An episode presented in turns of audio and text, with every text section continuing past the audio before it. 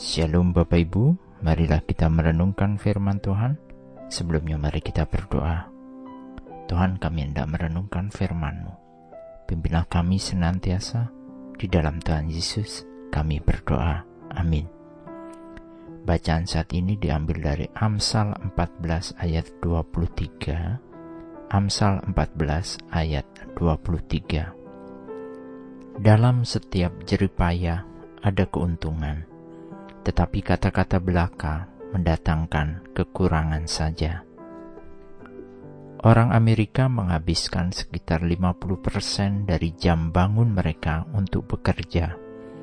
Menurut temuan penelitian ini, menyebabkan ketidakpuasan mereka akan waktu tidurnya, karena rata-rata mereka harus mempersiapkan juga tambahan waktu untuk perjalanan dalam bekerja.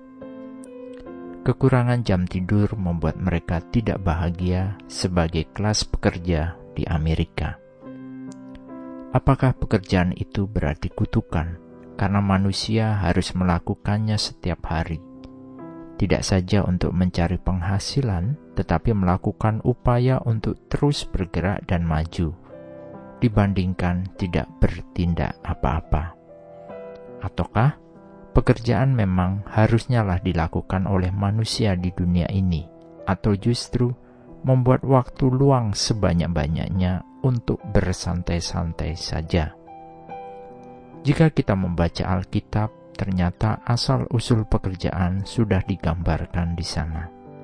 Dalam kitab Kejadian, Tuhan adalah pekerja utama, sibuk dengan penciptaan dunia Kejadian 1 ayat 1 hingga 15. Alkitab menyatakan bahwa Tuhan bekerja selama enam hari dan beristirahat pada hari ketujuh. Bagian-bagian ini mengungkapkan bahwa Tuhan adalah yang pertama melakukan pekerjaan di bumi. Oleh karena itu, pekerjaan yang benar mencerminkan aktivitas yang Tuhan sudah lakukan dan Tuhan menyatakan dirinya kepada dunia juga melalui pekerjaan-pekerjaannya. Seperti dalam bacaan saat ini, segala jeripaya itu ada keuntungan. Hidup kita tidak hanya berkata-kata belaka, namun harus melakukan. Hal seperti apakah yang harus kita lakukan? Seperti gambaran pekerjaan, Pekerjaan yang dihargai adalah pekerjaan yang menghasilkan hal yang baik, yang memiliki kualitas, dan imbalan untuk pekerjaan adalah datang dari pekerjaan yang dilakukan dengan baik. Manusia diciptakan menurut gambarnya, artinya kita pun diciptakan untuk melakukan pekerjaan yang baik yang Tuhan sudah lakukan terlebih dahulu. Tuhan mau kita bekerja sama untuk membangun dunia, untuk menjadi dunia yang lebih baik. Kita harusnya lah menyadari bahwa bekerja adalah anugerah Tuhan bagi umat manusia. Dan dalam melakukan semua pekerjaan baik, Tuhan senantiasa memperlengkapi kita.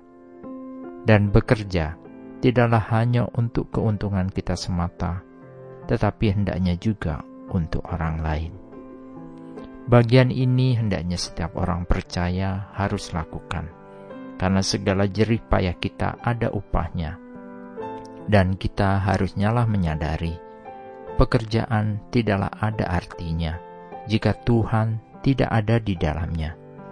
Jadi mari libatkan Tuhan di dalam setiap pekerjaan-pekerjaan baik kita. Amin. Mari kita berdoa. Bapa Surgawi, sungguh kami bersyukur untuk kasih karunia pemeliharaanmu di dalam hidup kami.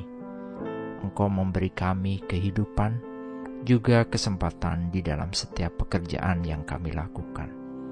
Berkatilah semua hal yang kami lakukan dan kami kerjakan hanya untuk puji dan kemuliaan namamu saja. Di dalam Tuhan Yesus kami berdoa. Amin. Tuhan Yesus memberkati. Shalom.